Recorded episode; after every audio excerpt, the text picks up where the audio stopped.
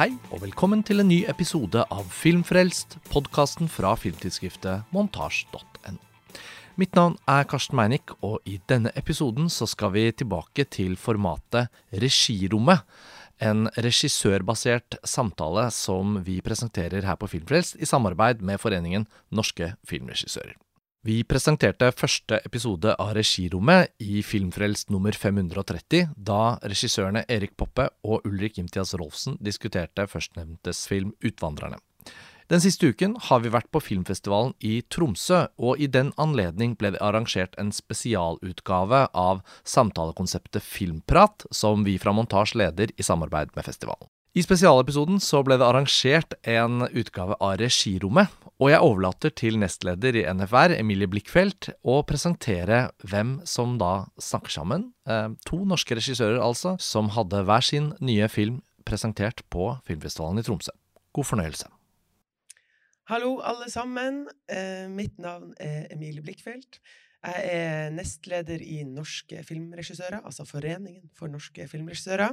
Og jeg har gleden i dag av å introdusere dere til denne spesialutgaven av Filmprat, som rett og slett eh, heter Regirommet.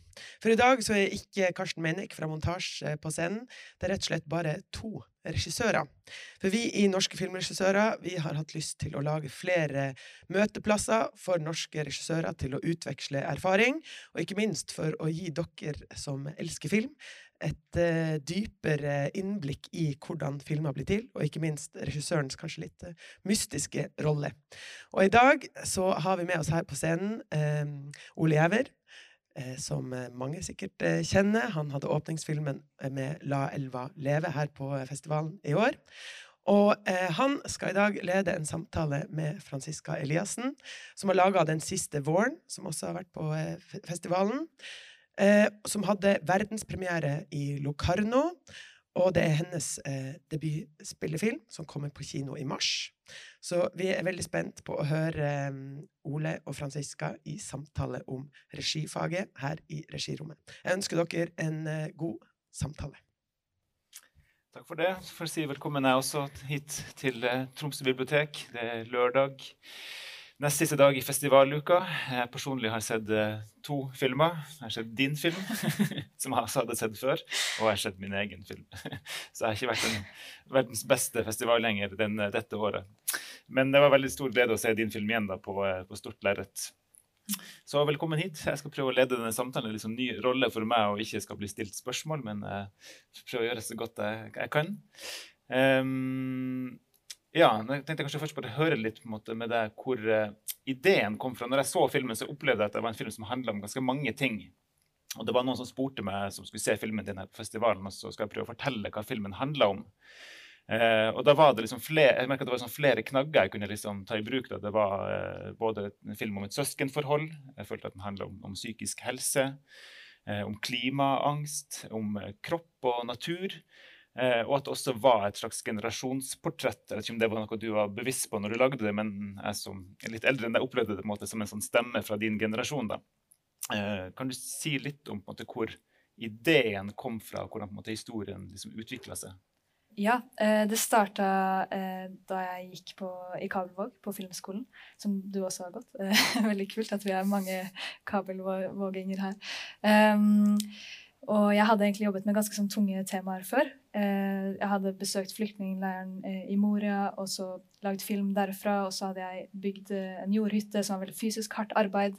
Så jeg ville gjerne lage noe som var drømmende, fullt av fantasi og farger og glitter og liksom en slags sånn feminin femininitet. Um, så jeg bestemte meg for å isolere meg i ti dager i Gammen. Og eh, midt på vinteren eh, og var bare der og lot bildene komme til meg. Um, og da var det liksom f.eks. et bilde av en kvinne som red på en måte liksom manisk rundt i ring på en hest. Liksom litt besatt. Og liksom denne mytologiske skikkelsen, eh, villkvinnen f.eks., som eh, kom til meg, og jeg ville gjerne eh, utforske den mer. Så det var én del av det. En annen del av det er at det er en veldig personlig historie fordi min egen søster ble psykisk syk da jeg var ung.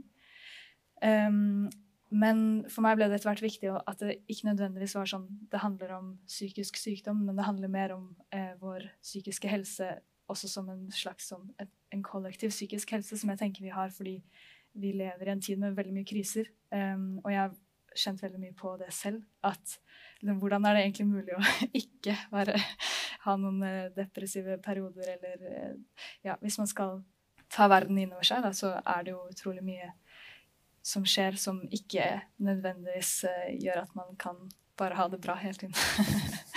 så da, da, ble det på en måte et sånn spørsmål for meg sånn Er det karakterene her som er syke, eller er det verden som er syk? Så det var liksom mange forskjellige knagger, som du sier, da, som man kunne um, utforske mer i dette prosjektet.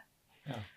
Ja, hun sier jo, jeg skrev det ned også her, eh, Hun oppdager jo på en måte søstera sin dagbok, den lillesøstera for de som ikke har sett den, som heter Eira. ikke sant? Eh, så eh, begynner hun å lese i storesøstera sin dagbok, Vera. ikke sant?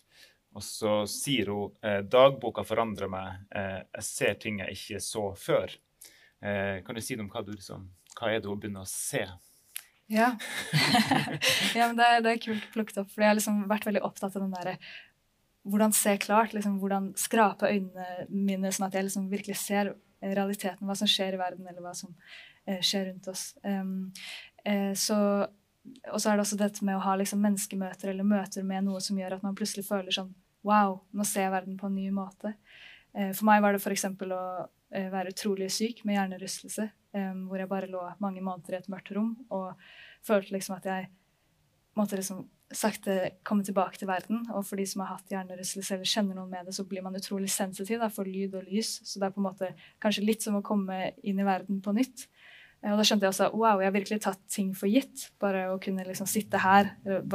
Når alt plutselig bare har vært et sånn svart mørke, så blir det plutselig bare helt magisk. da så det har vært et sånn tilbakevendende tema for meg. Og liksom, hvordan se klart, og hvordan fortsette å kunne være sensitiv. Eh, ikke numme seg for eh, alt som skjer. Da. Så det er litt sånn det hun føler at eh, hun åpner dagboka, så blir hun på en måte presentert for en annen måte å se verden på.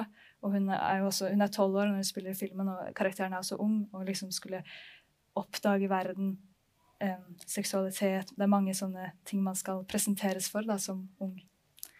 Ja. ja. Jeg tenker også at den ja, Du sier også at det handler liksom om klimaangst. Når vi møttes her forleden, så spurte jeg noe du vil snakke om. Så sa du at du vil snakke om klima og psykisk helse.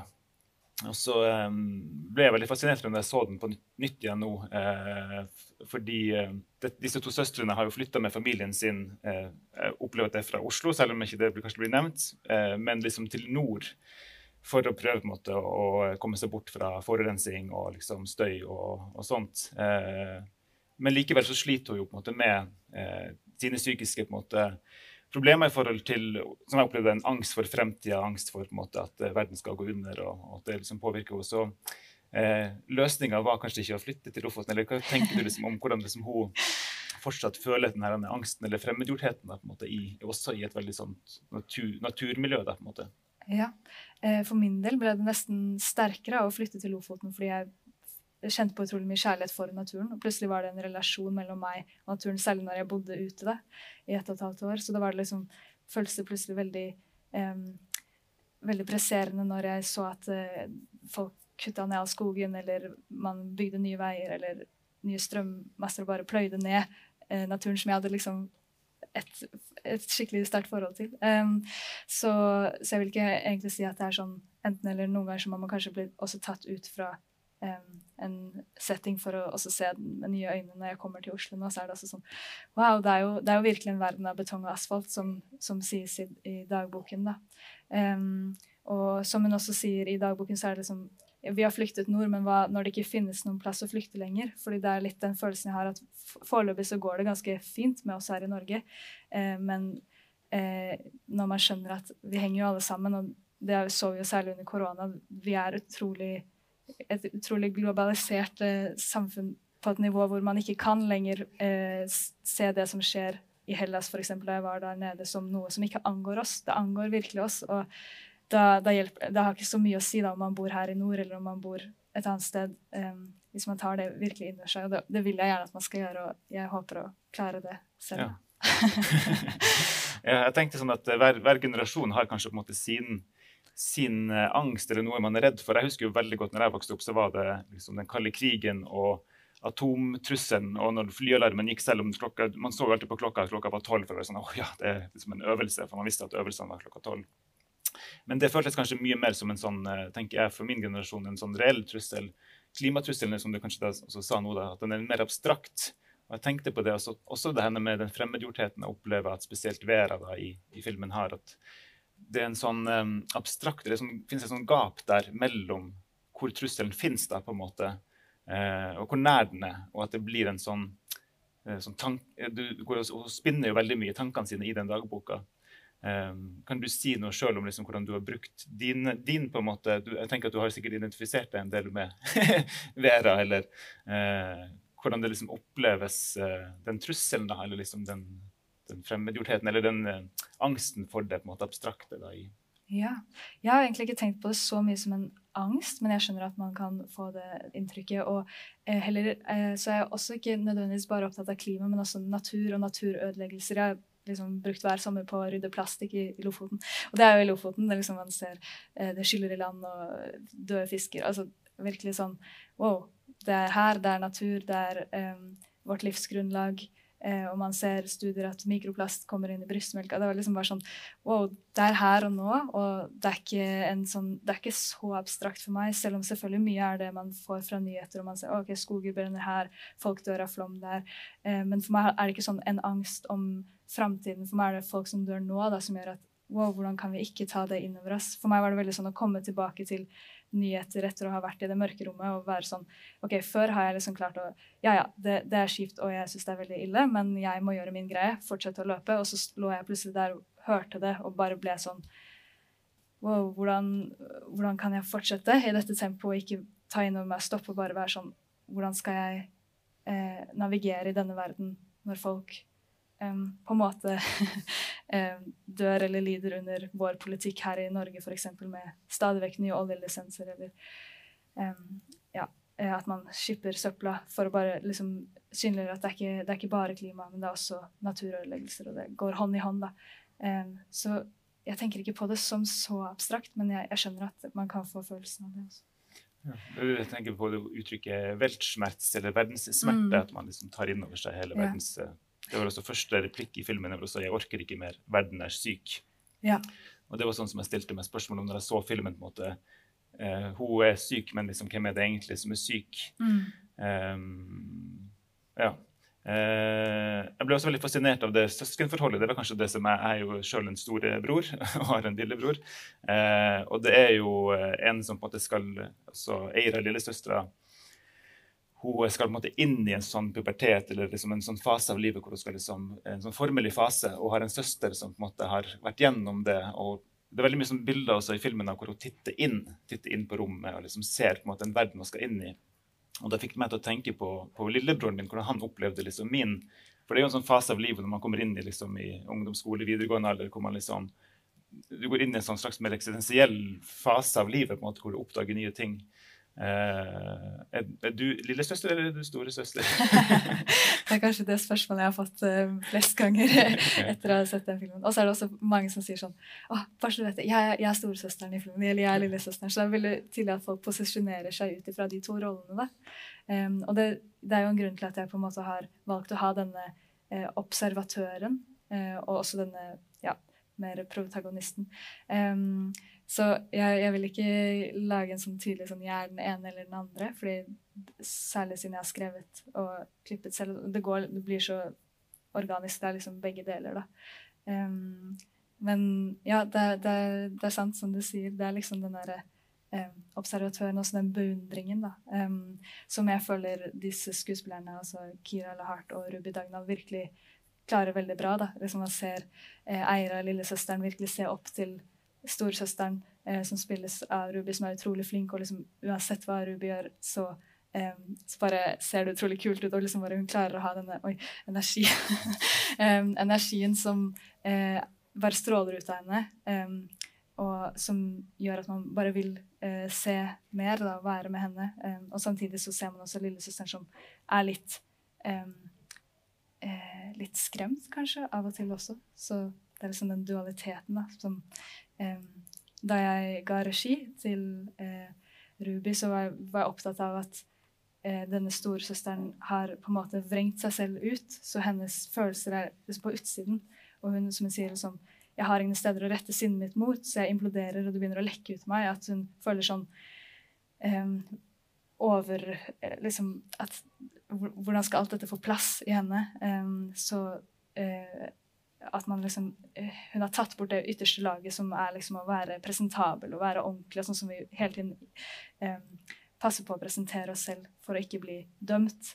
Uh, det er på en måte det har hun ikke overskudd til, for det er så mye annet som går. Liksom jeg vet fra selv og fra å ha liksom veldig sterk migrene. Sånn. Det er det første som går. bare sånn, ok, Man må bare drite i hvordan andre oppfatter en. da. Så særlig sånn, Følg alle impulser du får, hvis du vil ta deg i munnen. hvis du vil, eh, Det, det er jeg kjempeinteressert i. da, Noe som bare kommer som en impuls for skuespilleren. Ja. Som hun tok veldig bra. da, veldig flink. Ja, Det oppleves veldig sånn som om at hun har vært eh, fri da, til å liksom uh bruke seg sjøl. Eh, jeg tenkte jo så mye på eh, Jeg opplever også som en sånn generasjonsting at, eh, at når på en måte all natur blir borte, eller hvis man føler seg fremmedgjort for naturen, så er det jo tross alt liksom kroppen det man kan bære med seg, som jo på en måte er ren natur. da.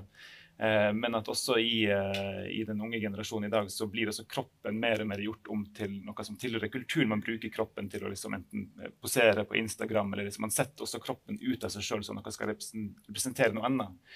Men så følte jeg litt med din film da, på en måte, at den filmen også forsøker å tra kroppen tilbake. Det er på en måte det altså Vera er ganske sånn opptatt av sin egen kropp og eh, prøver liksom også jeg liksom å gi noe til Eira i forhold til liksom hva kropp egentlig er. Eh, ja, hvordan liksom jobba, hvordan var dine tanker rundt liksom, eh, kroppens liksom, plass i forhold til naturkultur, og eh, også liksom i arbeidet med, med skuespillerne? da, på en måte, det var noe. Mm. Om du hadde noen tanker eller refleksjoner rundt det? da? Ja, ja eh, for meg er kropp veldig viktig. og Um, og liksom fri det fra den kulturelle som man ser at på Instagram så er det plutselig kjempefarlig å vise nippel, men man kan se folk eh, skyte av hodet på noen. Altså Det er liksom helt absurd det hvor eh, langt fra um, det opprinnelige vi har kommet på noen, um, på noen uh, ja, i noen settinger. Uh, så det er på en måte litt å kunne ta det helt ned og bare OK, vi er mennesker, vi er dyr, vi er alle sammen nakne egentlig under klærne. så da liksom eh, Er det så farlig da, at det blir en så stor trussel eh, med kvinnekroppen f.eks., eller eh, kropper som ikke er eh, eh, skjønnet på den måten at ja, trans eller Det er plutselig skummelt, og det syns jeg er veldig interessant. Og så å kunne fri kroppen som noe som bare er helt naturlig, har vært viktig for meg. Og um, ja, virkelig embrace det. Da. Um, så, ja, det er også noe med den um, råheten som ligger i en nakenkropp med natur. At det ikke er liksom det kulturelle med klærne som representerer noe imellom, men det er liksom oss som dyr i naturen, eh, egentlig. da. Så for meg var det veldig viktig. Men det er også noe, jeg bare synes at det, det, er på en måte noe av det reneste. Med en gang man har en T-skjorte, så har den T-skjorten plutselig bærer den noe mm. med seg. Jeg husker at jeg liksom tegnet og malte når jeg hadde kunst i New Zealand. Og så sa kunstlæreren min sånn Oi, oi, oi, liksom, hva er det du gjør? Og jeg Hæ? Jeg tegner bare nakne mennesker. Og jeg hadde virkelig ikke tenkt på det. At det var en greie for meg bare Å ja, men så fort jeg hadde puttet noe klær på, så hadde det føltes som sånn ja, noe kulturelt, noe fashion. Noe, jeg ville liksom bare til noe rent, på en måte.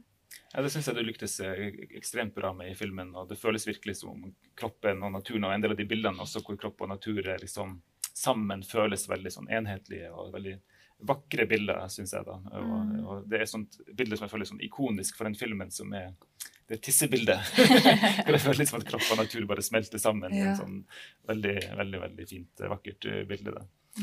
Um, kan du si litt om den dagboka? For den blir også sånn fascinert av. Er det en dagbok som du på en måte har For den er jo veldig sånn tilstedeværende, nesten som, som karakter i filmen. eller er iallfall en representasjon av Vera som karakter.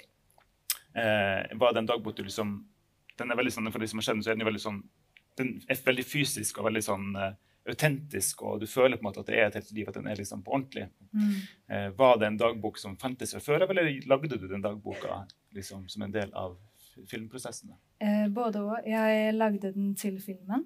Eh, fordi ja, Dagboken heter 'Den siste våren', så det er på en måte sånn eh, til eh, filmen. Men så hentet jeg en del sider fra min egen dagbok og puttet inn. Så det er litt begge deler, egentlig. Mm. Riktig. Du har også sagt at du hadde en søster som var Er det noen av liksom hennes, eller dine observasjoner eller liksom hennes eh, tankesett som også har blitt implementert i den dagboka? Eh, ja. Jeg har brukt en del tekster fra meg selv som jeg har skrevet til filmen, men så har jeg bedt henne lese gjennom og kommentere og komme med sine innspill. Um, så ja. Uh, hun har på en måte vært sånn derre For eksempel eh, opptatt av hvordan da hun var uh, syk, at det virker som på en måte verden var så utrolig grå. Hvorfor var alt så grått? Andre, eh, liksom Hun bare sånn Farger, farger, farger.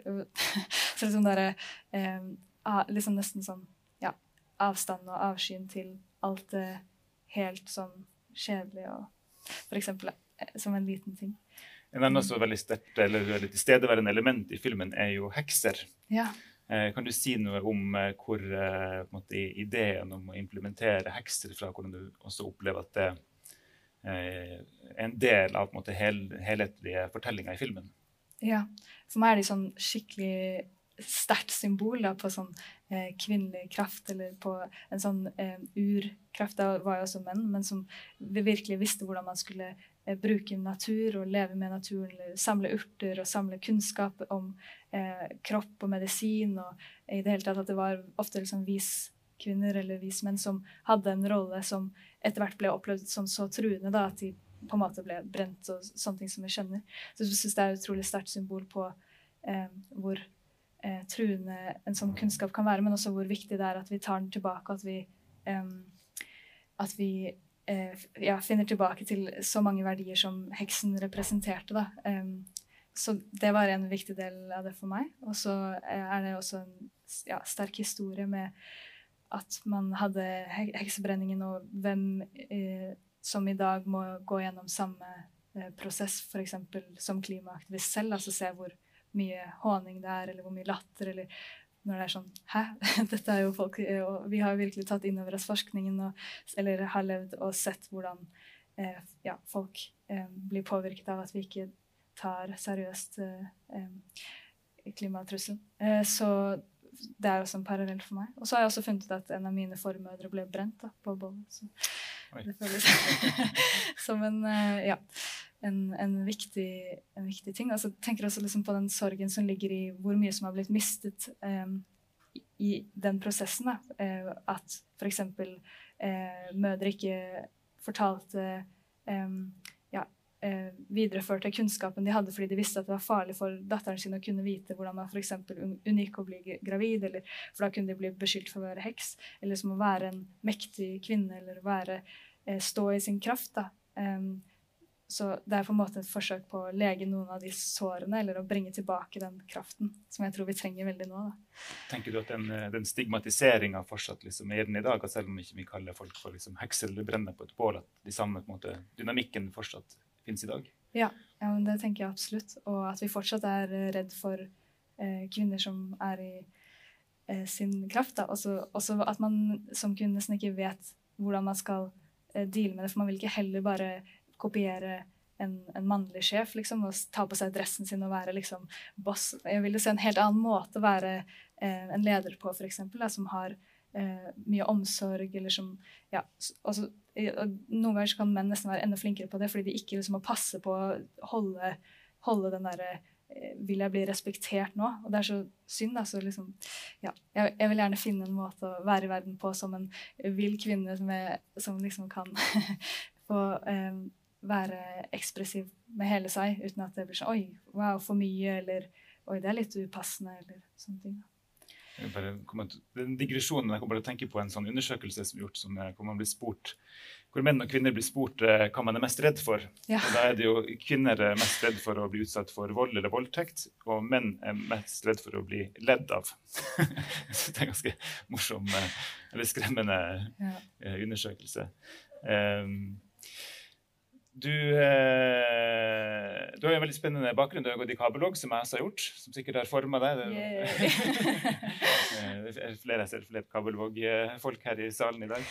Eh, ja, det var jo for meg også veldig sånn, formelig år. Og så har du en veldig spennende eh, sånn, dualistiske utdanning du har tatt videre da, med at du både studerer miljøfilosofi og billedkunst. Eh, kan du si noe liksom, hvorfor du har valgt å på en måte, gå inn i begge de retningene, på en måte, og hva, du, hva er liksom ditt store prosjekt? da, på en måte? Eh, Um, oi, mitt store prosjekt. Det, det er kult. Jeg, jeg, har i hvert fall tenkt sånn der, jeg vil være en stor kunstner og en liten bonde. Så det er egentlig litt sånn med å eh, komme tilbake til naturen. Uh, men så er jeg også ganske liksom, interessert i teori og skjønne hvordan tenke eller hvilken eh, eh, teoretisk bagasje er det som gjør at vi er endt her vi er i dag, uh, f.eks. Uh, se på liksom hvem som eier land, eller hvordan vi forholder oss til land. Så det er utrolig spennende, da, som eh, mye av min, min, kunstnerskap har kretset rundt. Um, og så er liksom å ha den eh, tyngden som gjør at man også blir tatt seriøst. Så det er også en del av det som er sånn for å liksom ja, um, kunne bevise, som jeg litt skammer meg litt over. Men, men, det er også veldig mye fint da med å ha utdanning, og jeg, jeg er veldig glad for det. Um, så ja, den, den, teoretiske tyngden, men så er jeg veldig interessert i å gå inn i praksis eh, og kunne ja, stikke jorda, nei, fingrene i jorda og dyrke min egen mat og eh, være liksom kroppslig også, som ble veldig viktig for meg etter hjernerystelsen, for da innså jeg at det hadde vært veldig mye i hodet. og var sånn, Nå må jeg liksom klare å ikke tenke, og hvor vanskelig det var. da, liksom Um, ja, så det, det er, jeg tror at det er veldig bra å ha mange bein å stå på, men for meg er det heller ikke sånn at det er ulike ting. Det handler veldig mye om det samme for meg. Jeg elsker å lage collage, som man kan se i filmen. og Det handler jo om å putte det ene med det andre, og så oppstår noe nytt. Og det er det, det jeg føler man gjør i filosofien også. da. Ene tanken med noe, og så oi, noe helt nytt. Så eh, ja. Mitt store prosjekt er jo på en måte kanskje å eh, hjelpe naturen og liksom bringe mer liv, eller fasilitere sånn at naturen kan gjøre, sitt, eh, gjøre sin magi, egentlig. da. Det er også litt sånn jeg tenker i regiarbeid, at jeg prøver å liksom sette opp en, et space eller conditions for at noe nytt kan oppstå, eller at magi kan oppstå. Fordi jeg tror ikke at jeg er mer magisk enn liksom det som kan oppstå der og da. Uh, så det, det handler det veldig mye om for meg. da.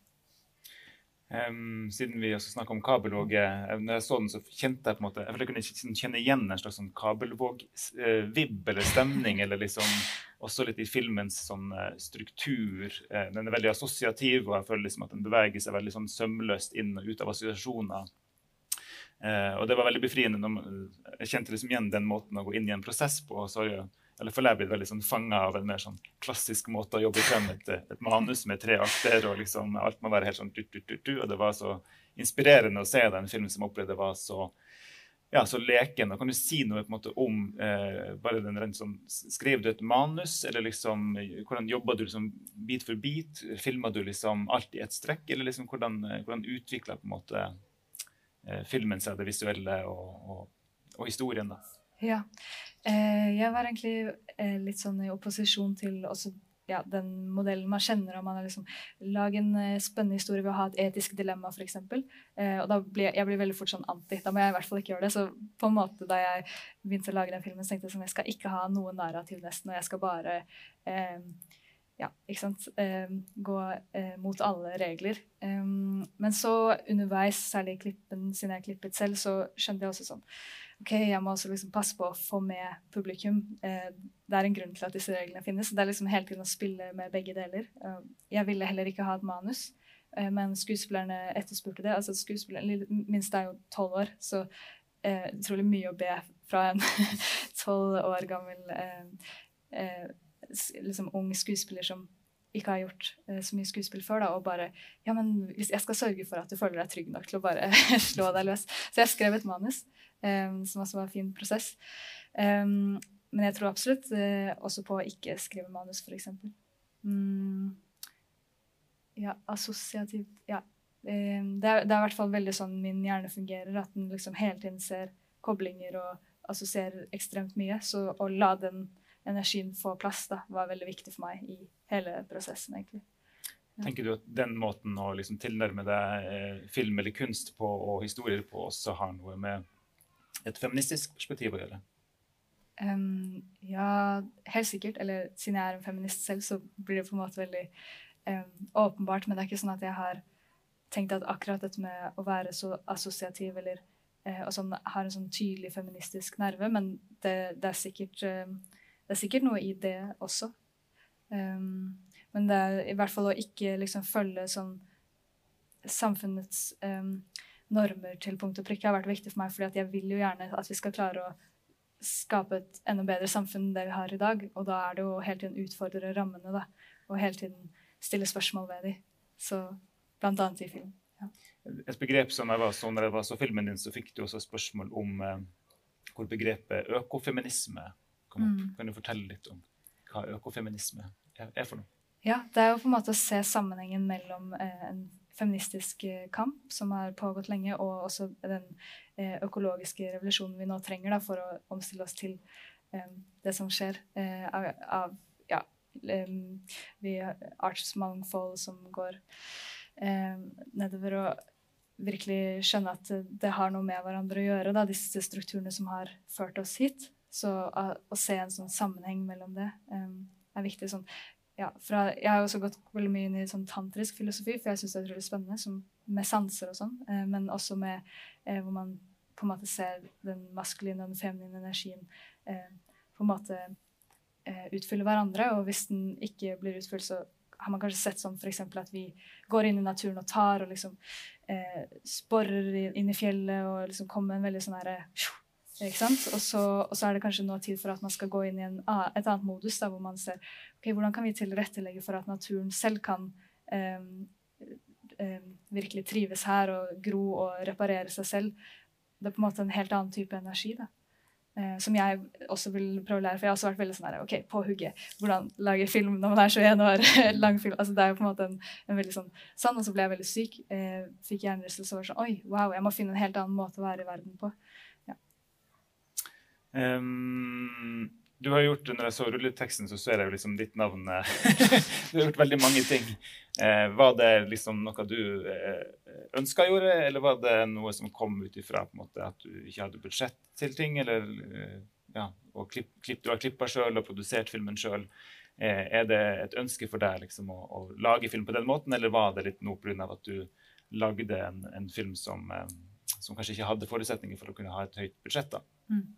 Eh, begge deler. Det var veldig sånn Jeg søkte jo ikke NFI underveis altså til å spille inn eller eh, sånne ting. Så det var på en måte å gjøre det på en helt annen måte med ingen penger, basically. Og eh, da selv liksom OK, enten så gjør jeg det selv, og jeg vet hvordan jeg vil gjøre det, og jeg vet at jeg kan gjøre det, eller så eh, betaler jeg fra egen lomme, eller må søke penger og komme i en sånn veldig stort, eh, en sånn langvarig prosess da, som gjør at folk ikke får lagd film før de er langt opp i året. Så liksom, da ble det det første alternativet, å gjøre det selv. Um, og det har vært uh, tungt og ikke så bærekraftig på mange måter, men det har også gitt en sånn veldig sånn personlig eller at jeg kan gjøre det på den måten jeg tror. Da, at det blir veldig tro mot det jeg ser for meg og så for meg. Um, og så er det også viktig å liksom løfte fram de som faktisk har vært med, sånn som fotografen Henrik Lande, som jeg, da, vi var da et par, og som er utrolig flink. Nå, er, nå studerer han for å bli eh, økoagronom, så nå har han også gått inn i retningen etter at vi liksom, begge to ble veldig ihuga klimaaktivister. var sånn, OK, vi må um, ja, hjelpe til her. Men, uh, men, han er bare sånn utrolig flink, da, som man kan se. Også, ja, skuespilleren fantastisk. Og så har jeg også fått med meg uh, Marte Hansen i Hummel Film, som har Um, og så etter at den kom med på lokalene, så ringte jeg henne og var sånn Jeg skjønner ikke hva noen av disse ordene betyr, liksom. fordi altså, da var det plutselig bare sånn utrolig mye greier som jeg ikke visste som produsent. Da. Så utrolig mange som har vært veldig eh, ja, viktige for filmen underveis også. Det er jo veldig inspirerende og sikkert for mange unge filmskapere at det faktisk eh, går an. Man kan jo bli litt sånn, det kjenner jo jeg som er igjen ifra når man kommer ut fra kabelvåg, og så er det liksom en helt sånn eh, Man er så vant til å leke og være fri og bare liksom eh, hva skal jeg si, springe halvnaken i fjæra og liksom lage kunst. og, og sånn. Eh, eh, og så blir man møtt Iallfall ble jeg liksom slått i bakken av det. på en måte, at eh, det var så mye ja, Du må skrive søknad, og du må skrive et manus som er sånn og sånn, og så må du få penger inn og budsjett. Og så plutselig så blir det så tungt, på en måte, det som var så gøy. nettopp var så gøy. Mm. Eh, og det var også noe jeg syntes var så utrolig inspirerende, og sikkert inspirerende for mange unge filmskapere, at det faktisk går an og bare ta på en måte nesten bokstavelig talt kameraet opp i egne hender. og Nå fikk jo du hjelp da fra, fra Henrik, men uh, kan du liksom bare si noe? Hadde du liksom sånn, var det sånn, hadde du sånn driv? Hva, liksom var, det, hva var ambisjonene? eller hva liksom, Hadde du noe sånn Nå skal jeg lage jeg husker at jeg tenkte sånn, jeg skal markere meg sjøl, jeg skal vise at jeg fortjener å få de pengene. Hadde du noen sånn liksom, mm. regidriv, ambisjon liksom, om uh, hva du ville med filmen? da? Du sendte den jo til Locarno sjøl, gjorde du det? Ja. ja. Jeg ble tipset fra en i salen her. altså, det er jo bare en sånn fantastisk historie, egentlig, at du bare lagde filmen sjøl, sendte den til Locarno, som jo er en av de virkelig store festivalene i, i verden, eh, og komme der. Ja. Eh, kan du fortelle litt om liksom din ærgjerrige regi? liksom, um, ja, eh, jeg, jeg, tror jeg bare har sånn utrolig eh, skapertrang. Og det bare er liksom tusen ideer, og så er det sånn jeg må i hvert fall gjøre én av de ideene, da, og så gjøre det ordentlig. Um, og så ble det denne her nå, på en måte. Um, en sånn, sånn uh, ønske om å dele eh, hvis jeg hører en skikkelig god podkast eller leser en bok, så må jeg liksom holde meg tilbake for å ikke liksom være sånn spre den overalt. Jeg har liksom et sett med bøker som jeg syns er så gode at jeg kjøper opp sånn stort opplag og gir til folk. Derfor jeg tenker sånn, nå trenger denne personen denne bok. um, så det, det, er litt sånn der, ja, Jeg vet ikke om det er så bra, men det er bare en sånn eh, glede over kunst og eh, litteratur eller film eller plasser. Eh, så jeg tenker sånn Wow! Andre også. Eh, så, så, det er en sånn ønske om å dele. Så det, det, er kanskje det det handler litt mye, mye om. Eh, og så føltes det også viktig at denne filmen kom akkurat nå, fordi eh, i liksom klimakamp og sånne ting, så er det sånn Wow, det er virkelig en sånn tidsramme på to til tre år før vippepunktene virkelig tar helt av. da, Og hvis man skal eh, gjøre noe med det, så er det nå. Jeg kan ikke vente til jeg blir 40 år og lage en klimafilm da. Altså, hvordan ser verden i det hele tatt ut på, om 40 år? Eh, jeg må gjøre det med en gang. Jeg har ikke tid til å vente på systemet, så jeg må eh, lage et nytt system eller eh, ja, finne en annen måte. Ehm, så jobbet med den veldig lenge, eh, og måtte også ta ett og et halvt år pause pga. hjernerystelsen. Ehm, og så eh, sendte jeg den inn til eh, Locarno, og så var det virkelig sånn wow. å være der. veldig rart. kom dit og liksom var sånn Her er privatsjåføren din. Og bare, OK, jeg har liksom levd på dømstemat altså fra i alle år nå og liksom ikke hatt leie fordi jeg har bodd i en eh, van eller en jordhytte. Altså det var bare virkelig noe helt annet. Eh, og ikke, ikke, sånn at jeg sier det med en måte som betyr at jeg liker det. Det er mer sånn kritikk. bare sånn Er det dette filmpengene går? kan vi ikke heller bruke det på å få flere historier ut der og få gode filmer, og ikke liksom stå og mingle med champagne? Eh, så det er ikke, i hvert fall ikke motivasjonen min for å lage film. Eh, men uh, uh, utrolig kult å bare være i Locarno, som er en sånn fantastisk filmfestival hvor hele den lille landsbyen oppe i Alpene er med. Det er i Italia, siden av Sveits. Og folk liksom har en sånn utrolig sult på eksperimentelle filmer, og filmer som tør å ja, mene å teste grenser og sånne ting. Um, og liksom bare 800 full sal på premieren, og folk som liksom kommer gråtende. Ja, det var virkelig sånn her, wow, helt uh, magisk da, å se at historier kan bety så mye. Um, ja, så det var virkelig en sånn fantastisk premie å ha liksom sittet i senga og klippet og vært sånn Er det noen som kommer til å se denne filmen, egentlig? Altså, hvorfor gjør jeg det her? um, ja. Ja. En, en, annen ting som vi også har eh, felles, er jo eh, Vi har begge gått i Kabelvåg, men ingen av oss har heller høyere filmutdanning. Vi har ikke gått på filmskolen. Mm. sånt. Eh, opplever du det som eh, noe du skulle ønsket du hadde gjort? Eh, som, som en, en, slags svakhet, eller at du liksom eh, at du ikke har gått altså Nå er kanskje nå er faktisk Kabelvåg blitt tre år og bachelor, så det mm. regnes vel Det var det ikke når jeg gikk der. så, så, så har du jo det. Eh, ja, men uh, da falt kanskje spørsmålet på sin grunn. Men har du, ja, filmskolen, har det vært noe som liksom, du har tenkt at du ville gå der, eller opplevde du at det kanskje er en styrke å ikke ha gått? Det man kan si er jo at Kabelog er jo kanskje en litt mer alternativ type eh, skole, som også eller for jeg kombinerer også kunst og film, at man kanskje har mer fokus på prosess og liksom det å være skapende kunstner, og ikke så mye det industridelen av filmskapinga. Ehm, så opplevde du det som en styrke eller en svakhet på en måte, å ikke ha gått liksom, for din egen del som, som, filmskaper? Ja, eh, en styrke, absolutt. Jeg, jeg, har ikke søkt filmskolen noen gang. Det er litt mer sånn en annen måte å tenke på, hvor man ser regi som én rolle og klipp som en annen rolle. Og i Kabelvåg er det veldig deilig sånn Her gjør vi alt, og vi lærer alle. Så det har derfor jeg også liksom elsker å gjøre lyddesign, f.eks., og gjorde det um, på filmen selv. fordi liksom, Man må jo tenke lyd og klipp sammen. Det er ikke to avskilte greier for meg, f.eks. Så um, jeg er veldig fornøyd med Kabelvåg. og at det var i ja, omgivelsene og flytte nord og ble boende der også etterpå fordi jeg bare eh, elsker Lofoten. Um, og så er det, det er så mange ting jeg vil. ikke sant? Det er derfor jeg har studert eh, filosofi og så tatt yogalærerutdannelse. på en måte jeg vil, ikke, jeg vil heller tenke bygge bredden enn uh, i høyden, på en måte, og liksom lære meg mange ting. Eh, og så bruke det, kombinere det sammen. Jeg, jeg føler det eh, verden etterspør nå. Det er noen som kan være virkelig tverrfaglig fordi man må tenke nytt. Og ikke liksom bare gå, kjøre sin, sitt tunnelsyn på sitt fagfelt, men også se sånn ja, Hvordan skal alt dette henge sammen? Kan du også si noe, Det var to ting i rulleteksten som jeg beit meg merke i. og Det ene var at det sto foto og høyre hånd. Ja. Henrik Lande Anders, Andersen, er det? Ja.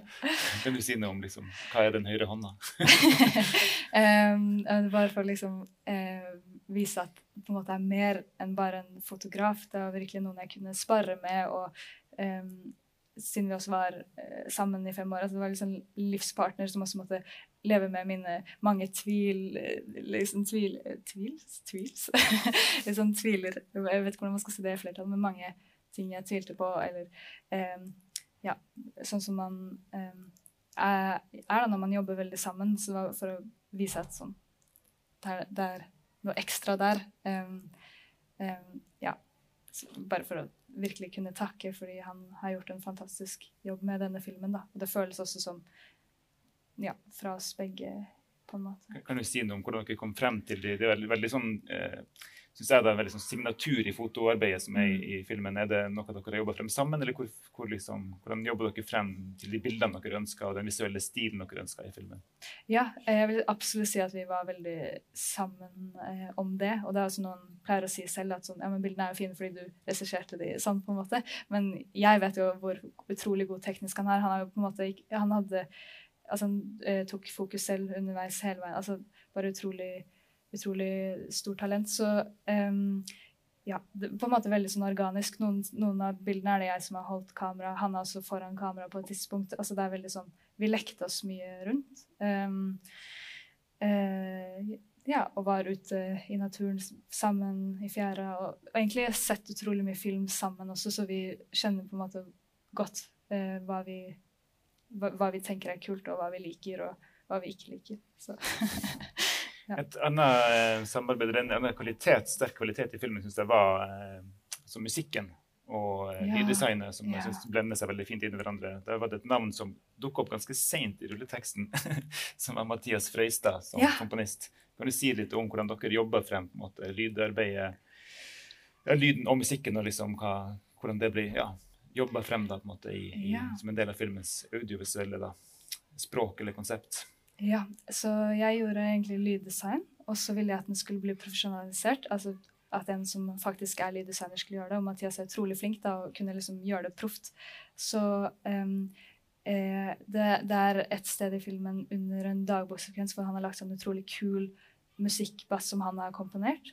Og så bortsett fra det, så er det jeg som har funnet musikken på forhånd. Så det er Elina Våge Michaelsen som jeg har liksom miksa eh, hennes eh, og, og, hennes eh, eh, musikervenn Viktor, som har lagd utrolig kul sang hvor liksom, hun eksperimenterer veldig mye med stemmen. Og hun, hun er også veldig inspirert av joik.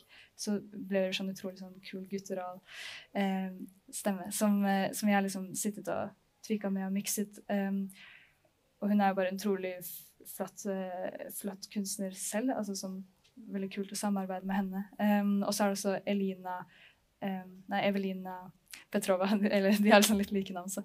Men hun eh, er en eh, utrolig også kul kvinne som spiller trekkspill i Heksescenen, og også er eh, hun som synger rulletekstsangen, som bare er sånn magisk, ikke sant. Um, så hun, hun, er fantastisk. Jeg husker at jeg hørte på hennes musikk da jeg skrev manus, og så Um, bare begynte å gråte og var sånn Wow, dette er jo soundtracket Det er jo lillesøsteren sin sang, på en måte. Uh, og så tenkte jeg men jeg kommer aldri til å få henne, for jeg så at hun hadde spilt liksom i de største hallene i verden. Og, sånn. og så googler jeg henne og bare Hm, hun har spilt på TIFF.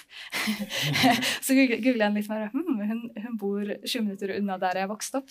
Så jeg sender henne en mail og er sånn eh, Vil du være heks? Jeg ser for meg at du kan være heks i min uh, Men jeg skjønner om det ikke passer deg. Mine foreldre var sånn Du kan ikke bare be noen om å være heks. Det er, det er på en måte litt eh, ja, støtende. Eh, men jeg var sånn, hvis hun skjønner hva jeg mener, så skjønner hun hva jeg mener. Og så sendte hun tilbake sånn Å, jeg elsker det, jeg jobber masse med hekse og søsterskap, og jeg er med.